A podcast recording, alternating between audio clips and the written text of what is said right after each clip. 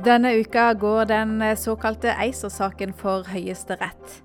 Det er en historisk sak der Høyesterett i plenum behandler spørsmålet om Stortinget kunne samtykke til EUs tredje energimarkedspakke med kun alminnelig flertall.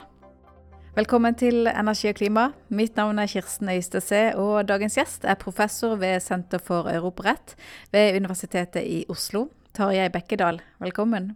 Tusen takk for det. Det er altså Nei til EU som har gått til sak mot staten. og Kan ikke du forklare, hva handler ACER-saken om?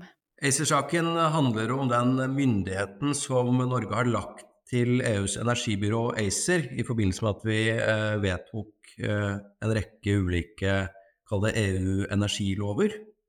Eh, og spørsmålet er om denne myndigheten som er lagt til ACER, er noe som Stortinget skulle samtykket til etter en unntaksbestemmelse i Grunnloven som krever tre fjerdedels flertall, eller om de kunne vedta det med alminnelig flertall.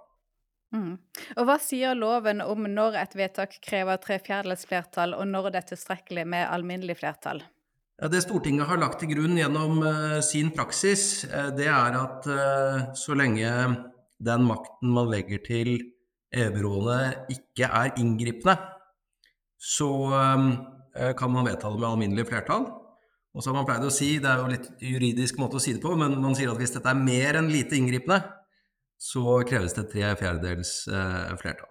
Mm. Vi skal komme til hva, hva, det betyr, men la oss bare si først litt om hva ACER er for noe. For Facebook-fortellingen om ACER den går omtrent eh, sånn. Ja til ACER betyr flere strømkabler til utlandet, som igjen betyr høyere strømpriser, og til slutt industridød. Men hva er ACER, og hva er ACER ikke?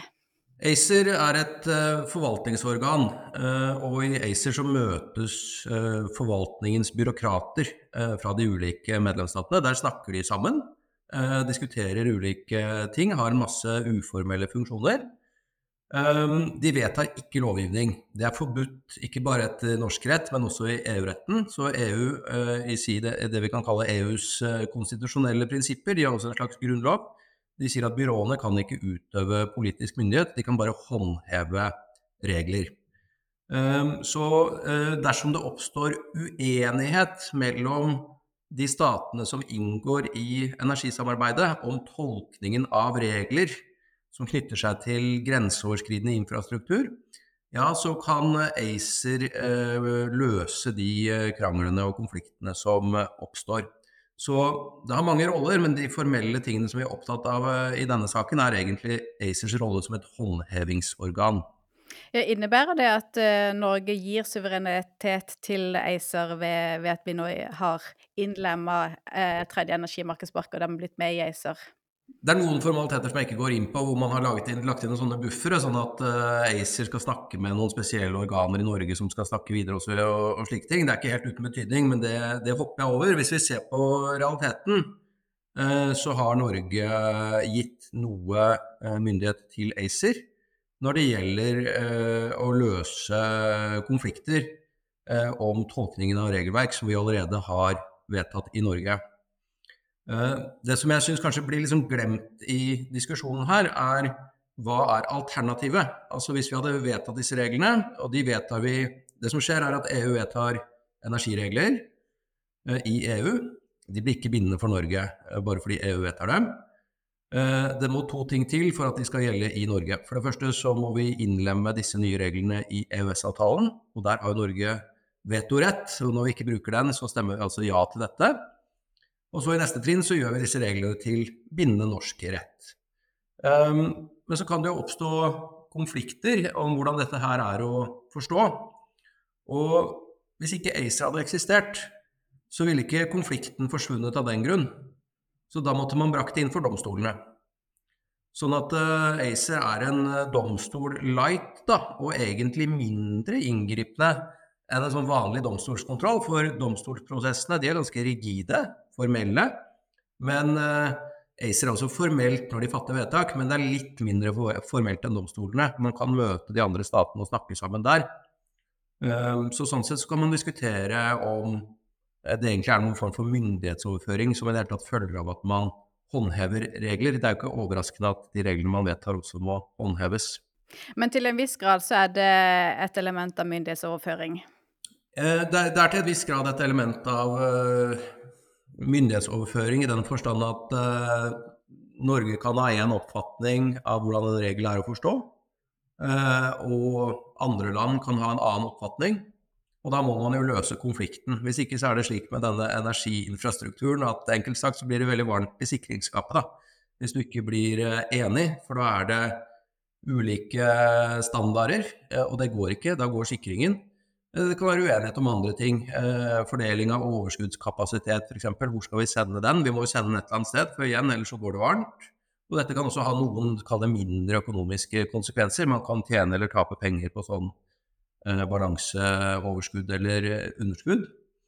Um, så man kan kanskje si at det er et element av myndighetsoverføring, men jeg vil være litt forsiktig, fordi Norge har jo vedtatt reglene frivillig, så vi har ikke overført noen myndighet til å vedta reglene. Og da er jo spørsmålet vil du kalle det myndighetsoverføring at noen løser en krangel. Eh, du kan godt si at de i hvert fall har fått den oppgaven da, med å løse en sånn krangel. Men om det er myndighetsoverføring, det er litt grann retorikk oppi, oppi, det hele, vil jeg si. Eh, både fordi krangelen må løses, eh, og uten ACER så ville domstolene gjort det. Og det andre man kanskje kan si, er er det egentlig myndighetsoverføring? Altså, det er jo litt sånn så tenker du Hvis du overfører penger i banken din, da, du får ikke overført penger hvis du ikke hadde penga uh, selv på forhånd. Uh, og fra det perspektivet så kan vi jo si at vi har ikke overført noen myndighet, fordi Norge hadde ingen myndighet til å regulere internasjonal krafthandel tidligere heller. Uh, dette er jo en myndighet som bare finnes innenfor dette systemet som vi har slutta oss til.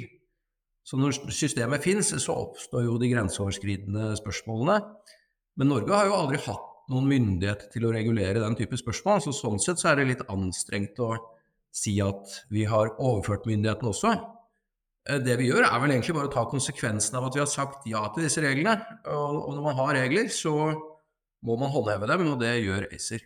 Mm. Men hvis vi snur på det, kan vi si at det, med ACER så begrenser de vår mulighet til å gjøre litt mer sånn som vi vil? Det også går litt langt, fordi vi har, jo, vi har jo vedtatt veldig detaljerte regler. Altså Reglene som gjelder i EU er jo lagt opp til at man liker ikke sånne forvaltningsorganer som vi er vant med i Norge, som har en masse skjønn og som gjør det de syns er fornuftig. Så EU er et veldig legalistisk system, og det gjør at ACER bygger på veldig tekniske og skarpe regler som ikke gir dem noe skjønn. Uh, og dette er regler som i fravær av ACER ville blitt uh, håndhevet av domstolene dersom det var en konflikt. Så hvis du ikke har noe skjønn, og hvis du forvalter regler som Norge som stat både har valgt å innlemme i EØS-avtalen og valgt å innlemme i norsk rett, så reduserer jo det elementet av overføring vesentlig. Uh, jeg jeg syns den helt reelle og ikke-retoriske måten å si det på, er jo at ACER har det er, det er, et maktorgan. De har noe makt, for de kan avgjøre tvister. Uh, verken mer eller mindre. Det som uh, Høyesterett skal behandle, det er jo om Stortinget skulle brukt tre fjerdedels flertall og ikke alminnelig flertall. Og Hvis du skal se saken fra begge sider, hva taler for og hva taler mot å, å kreve tre fjerdedels flertall? Det er jo Nei til EU som har, eh, har, reist saken, og de er kanskje ikke så opptatt av energi, de er opptatt av byråene uh, mer generelt. Um, akkurat dette her er kanskje ikke den beste saken uh, å prøve, fordi det fins uh, eh, Strøm er kanskje politisk kontroversielt, men sånn myndighetsmessig så finnes det mer kontroversielle byråer enn en ACER. ACER har jo ikke noen myndighet som kan rette seg mot enkeltpersoner, den retter seg bare mot statene. Og det gjør det mindre kontroversielt. Uh, slik at akkurat i denne saken, de, de spørsmålene som er tatt opp i saken, uh, er det, det, er veldig vanskelig Jeg bør se det fra begge sider, men det er veldig vanskelig å se at de kan føre fram. Dette har jo også vært oppe i, i Borgarting lagmannsrett tidligere, og lagmannsretten sa jo at den myndigheten ACER har, den er veldig lite inngripende. Og de var ikke i tvil om, eh, skrev de i konklusjonen, at dette lå innenfor det som flertallet kunne bestemme. Så det er ikke noen sånn drømmesak hvis du ønsker å utfordre uh, byråene. Hvis man hvis man ser litt uten altså, Det er jo ikke noe tvil om at Nei til EU kommer til å tape saken, øh, den konkrete saken. Det som er interessant, er egentlig hvilke retningslinjer av mer generell karakter som Høyesterett kommer til å trekke opp for å overlate myndighet til byråene. Um, og Der er det klart at det kan oppstå problemer. Det kan oppstå pro problemer dersom sånne forvaltningsbyråer får veldig mye makt til å fatte vedtak som, som adresserer norske borgere direkte. Det vanlige er jo at norsk forvaltning adresserer norske borgere. Så hvis disse byråene får makt til å adressere norske borgere, så har vi et problem. Uh, det er en potensiell utfordring. Uh, potensielt så er det selvfølgelig også en stor utfordring dersom disse forvaltningsbyråene får en masse skjønnsmyndighet. Det har de ikke per i dag, og det sier EU-retten at det er forbudt. Men det kan være et problem. Og, og, generelt så må man også kunne si at hvis i en eller annen løsere forstand, hvis byråene får veldig mye makt, så er det et stort demokratisk problem. Fordi vi har ikke eh, demokratiske kontrollrutiner som følger opp byråenes virksomhet. Eh, men per i dag så er det små tekniske spørsmål eh, som byråene driver med generelt. Jeg kan kanskje også legge til, hvis jeg skulle se ACER-saken fra begge sider Jeg syns ikke noen av de spørsmålene eller forholdene som Nei til EU har trukket fram i saken, eh, er så interessante. Det er, det er utprega tekniske ting. Eh, liksom superknusktørt eh, teknisk. Det, har ingen inngripende betydning i det hele tatt. det som jeg syns kunne vært bedre belyst, men som, men som ikke er trukket fram i saken, det er egentlig hvilken mer overordna betydning Norges tilknytning til energisamarbeidet og ACER har for det vi kan kalle den strategiske samfunnssikkerheten. Ja, Hva tenker du på da? Hvis jeg forklarer litt nærmere, så, så handler jo ACER-saken i, i Høyesterett den handler om hvilken makt er det ACER har dersom de forvalter de reglene de er satt til å forvalte. Og den makten er liten. Dette er lite inngripende. Det, det, det er, tror jeg, Eh, eller det, det, det, kan vi ta for gitt at Høyesterett kommer til å komme til. Det spørsmålet som ikke er reist i saken, og som jeg syns er det mest interessante, det er egentlig hva hvis ACER ikke følger reglene? Altså hva hvis noen tar kontroll over eh, algoritmer og teknisk infrastruktur som kanskje styres fra andre land enn Norge, og bryter reglene? Altså vi samordner jo vårt energisystem med eh, energisystemer i utlandet. Altså Spørsmålet er eh, egentlig hvordan forebygger man at noen enten misbruker sin kontroll over infrastrukturen, eller kanskje til og med klarer å hacke seg inn eller, eller ta den over. Eh, så hva gjør man for å forebygge det? Og det andre spørsmålet er jo eh, hvor, hvor, stort er skadepotensialet hvis noen gjør det? Fordi det er jo noe med det at når man lager et slikt felles energimarked, så samler man jo mye mer eh, i ett system og på én hånd. Uh, og jeg lurer på helt banale ting, egentlig, slik som hvis disse algoritmene styres uh, fra Brussel eller ligger helt andre steder i Europa. Uh, la oss si at noen bryter seg inn, og, og dette har betydning for, for, det norske strømnettet. Da kan man jo spørre om helt enkle ting. F.eks. Har, har norske ingeniører mulighet til å se på dette her, eller er vi avhengig av å vente og se hva, hva de som styrer med dette og reparerer dette utlandet, gjør? Jeg syns det er de spørsmålene som er interessante. Um, men derimot, hvis det er slik sånn så, som vi ser i, foran Høyesterett, at et, et, av spørsmålene som har vært oppe for ACER, er utjevning av kapasitetsoverskudd ved balansekraft. Fordi du kan ikke ha Du kan ikke lagre eh, overskuddskraft i systemet ditt, og så er statene uenige om hvordan man gjør dette. Og det er et utrolig uinteressant spørsmål, vil jeg si. Uh, og det er, det er jeg liksom glad for at Vi kan jo se det fra et annet perspektiv. Det er gudskjelov at vi har noen til å som er flinke, som kan løse det der, istedenfor at vi slipper å, å bale med det i Norge. Du virker veldig sikker på at eh, Nei til EU kommer til å tape?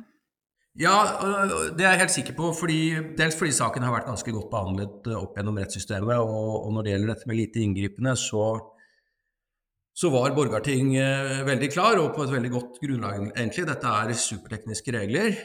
Hvis vi, hvis vi peker litt ut av disse, dette lite inngripende og de, de uh, rettslige detaljene, så er det jo også slik at uh, ACER-vedtaket til Stortinget har en, har en, litt spesiell bakgrunn som, som, gjør at denne saken blir en form for formalitet. Fordi Stortinget, før de fatter et vedtak, så må de jo beslutte hvilken prosedyre de skal følge. Så Stortinget stemte først over om de skulle bruke Grunnloven 115, som er tre fjerdedelsbestemmelsen, eller om de skulle bruke bestemmelsen om alminnelig flertall. Så må man først votere om prosessform i Stortinget, eller beslutningsform i Stortinget. Eh, så Stortinget voterte over eh, det, eh, og de kom til med 72 mot 24 stemmer at de skulle bruke bestemmelsen om alminnelig flertall. Og det, det, morsomme med dette er jo da at 72 mot 24 stemmer, det er tre fjerdedels flertall. Så Stortinget vedtok med tre fjerdedels flertall at de skulle bruke bestemmelsen om alminnelig flertall. Og Så gikk dette opp til votering, og så stemte Stortinget 73 for og 23 mot ACER. Og det er mer enn tre fjerdedels flertall. Så de brukte liksom den alminnelige bestemmelsen til eh, å fatte vedtaket. Da, men da må man jo likevel stemme, selv om alminnelig flertall er nok. Og man nådde altså tre fjerdedels eh, flertall. Så sånn sett så blir det Det blir veldig tungt for Høyesterett eh, å sette dette til eh, side. Både fordi eh, Stortinget var så bevisst på dette, denne grensedragningen. Når er det vi skal ha tre fjerdedels eh, flertall, når er det vi eh, skal ha alminnelig flertall? Og fordi det faktisk var tre fjerdedels flertall, da. Eh, da vil det se ganske rart ut hvis Høyesterett kommer i etterkant og sier at nei, men dere skal også formelt bruke den bestemmelsen, derfor, derfor er alt ugyldig. Det, jeg har på en måte vært jurist lenge nok til å vite at kommer du med den type uh, formaliteter, så blir du feid ut igjen. Men det du kan håpe på, er selvfølgelig at det kommer noen avklaringer uh, underveis som du kan bruke til å støtte deg på i senere saker. Hvor viktig er denne saken? Jeg syns den er uh, viktig, uh, og den er nok viktig av to grunner. Uh, den ene grunnen er jo at Nei til EU er jo ikke så opptatt av energibyrået ACER i seg selv. Nei til EU er opptatt av Norges tilslutning til EU-byråer generelt, og det er altså EUs forvaltningsorganer. og Det fins nærmere 40 slike byråer, og vi er vel kobla til rundt 30 av dem. Um, og hvis vi ikke kan koble oss til byråene, så ryker hele EØS-avtalen.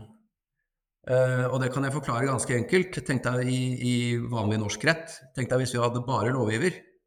Og så sier vi ja, du, vi har bare lovgiver i Norge. Uh, vi kutter ut domstolene, og vi kutter ut forvaltningen. Da fungerer jo ikke systemet. Og på samme måte så er du helt avhengig innenfor EU-retten, sånn som den har blitt, av at du ikke bare har regler, eh, men at du har noen som forvalter dem. Eh, og siden dette har kommet på så mange områder, så får vi ikke vært med i EØS-samarbeidet uten at vi også er med i byråene. Så det er det ene som, eh, som gjør saken viktig. Det er, det er på sett og vis EØS-samarbeidet som, som, står på spill. Det andre som gjør saken litt viktig, det er, det er demokratiet. Det er det som ligger i bånn her. Og, og, på den ene side så er det demokratisk problematisk dersom store beslutninger eh, overfor norske borgere blir lagt til utenlandske organer. Men vi har jo også et demokratisk paradoks som dukker opp i saken.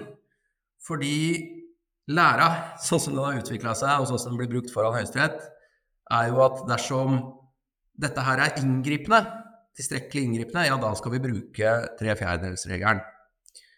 Og dette er jo en litt sånn Mange jurister vil si at det er litt sånn ko-ko-doktrine, dette her, for det er liksom bygget på seg over tid med konstitusjonell praksis. Men det du da ender opp med, er jo en regel som vil si at hvis noe ikke er viktig, så bestemmer flertallet. Hvis noe er viktig, så bestemmer mindretallet. For hvis det er inngripende, da har et mindretall på en fjerdedel veto og kan egentlig stoppe hele EØS-avtalen. Og det er jo omvendt av demokratiets alminnelige prinsipper. Det er jo uh, slik at når noe er viktig, da bestemmer flertallet. Beslutninger som gjelder krig og fred og liv og død, de blir tatt med én stemmes overvekt om nødvendig. Så på et veldig politisk og egentlig ganske opplyst område som EØS-debatten er, så er det underlig eh, fra et demokratisk perspektiv om et mindretall skal kunne si nei til det flertallet ønsker. Er dette noe du tror Høyesterett kommer til å gå inn på i, i behandlingen her? Jeg tror dette ligger ganske mye under, fordi eh, det er egentlig dette demokratiparadokset som som eh, sant, Du har demokrati på begge sider. Da. Det er udemokratisk dersom organer i utlandet bestemmer mye i Norge. Men det er jo ikke sånn at de bare tiltar seg makten. Det er jo stortingsflertallet som ønsker dette. Og dermed så blir det jo udemokratisk også eh, dersom stortingsflertallet blir stoppa eh, av et mindretall på Stortinget, eller enda verre egentlig, av dommerne i Høyesterett, som jo ikke har noe demokratisk mandat i det hele tatt. Eh, og i en sak hvor Stortinget var så bevisste som her, så er det vanskelig. Men også mer generelt så skal eh, Høyesterett være litt forsiktig med å utstyre mindretallet i Norge med et veto, vil jeg hevde. Men, men, dette er ganske sånne delikate balanser, så, så, så, her vil jeg være litt forsiktig. Det er uh, klart at det går noen grenser for hva, for, hva, flertallet kan, kan, bestemme. Men det er nok særlig der hvor flertallet på en måte bare gjør dette i veldig sånn vidt omfang og uten å vite hva det går ut på, at det kan være problematisk. Um, i de fleste tilfellene hvor Norge overfører myndighet til byråer, så er det veldig sånne små porsjoner hver gang, og da vet stortingsflertallet veldig godt akkurat hva de gjør. Og hvis Stortinget var bevisst på hva de gjorde, skjønte akkurat hva det innebar, så er det utrolig vanskelig å si at flertallet ikke får lov å bestemme. Men er det et moment nettopp at, at man overfører litt og litt myndighet, og til slutt så, så bikker man over? Ja, det er i hvert fall eh, altså, Nei til EU hevder jo at man, eh, man, hele tiden overfører eh, lite inngripende myndighet. Og det er jo riktig, man, gjort, man, gjør dette hele tiden. Men det er jo en grunn til det, og det er at man hele tiden skal ha en demokratisk debatt. Det er at man hele tiden skal overskue konsekvensen av hvert enkelt vedtak. At man ikke skal miste kontrollen over hva man gjør. Så det er godt begrunna. Og så er det et uavklart spørsmål, vil jeg si, om man på en måte kan det, det, det Nei til EU sier, er at man må kumulere dette. At man skal legge sammen alle disse små avgjørelsene. Slik at uh, det etter hvert framstår som én stor, da, og at man er over terskelen for, for lite inngripende. Men vanligvis da, i den offentlige retten så er det ikke sånn vi tenker. Det er ikke sånn at du bygger deg opp til et nivå hvor du etter hvert krysser en grense. Det er litt sånn du brukte de penga du kunne eh, og hadde, og så neste gang du bruker penger, så har du fått nye penger, sånn at du kan bruke dem igjen osv. Du går ikke konk hvis du bruker litt hele tiden.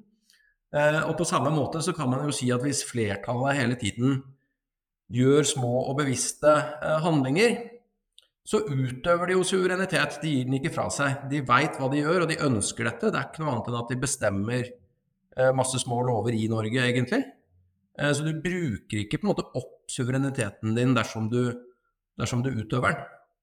Eh, så det er nok et ganske tvilsomt spørsmål eh, om du kan kumulere. Det var Torkel Oppsal som sa i de første debattene om, om disse spørsmålene at du måler ikke suverenitet i prosent. Du måler bare om du har kontroll eller om du ikke har kontroll, og har du det, så er det greit, og da går du videre og spist er spist og gjort er gjort, og du måler på nytt neste gang. Du, avslutningsvis, eh, nå er jo du veldig tydelig på at du er nei til EU kommer til å tape denne saken. Men om de skulle vinne likevel, hva er konsekvensene? Um, konsekvensene vil uh, Altså som jeg sier, dette er jo ikke verdens beste sak, så hvis Nei til EU skulle vinne her, så øh, vil det gjøre det veldig vanskelig for Norge å delta øh, i andre EU-byråer i framtida. Uh, og det vil gjøre det vanskelig å opprettholde uh, EØS-samarbeidet. Da må EØS-samarbeidet antagelig uh, anta en annen form. Det er vanskelig å se hvordan, men vi, vi, vi, vil ikke kunne engasjere oss på samme måte som vi nå gjør på alle de områdene hvor det fins byråer.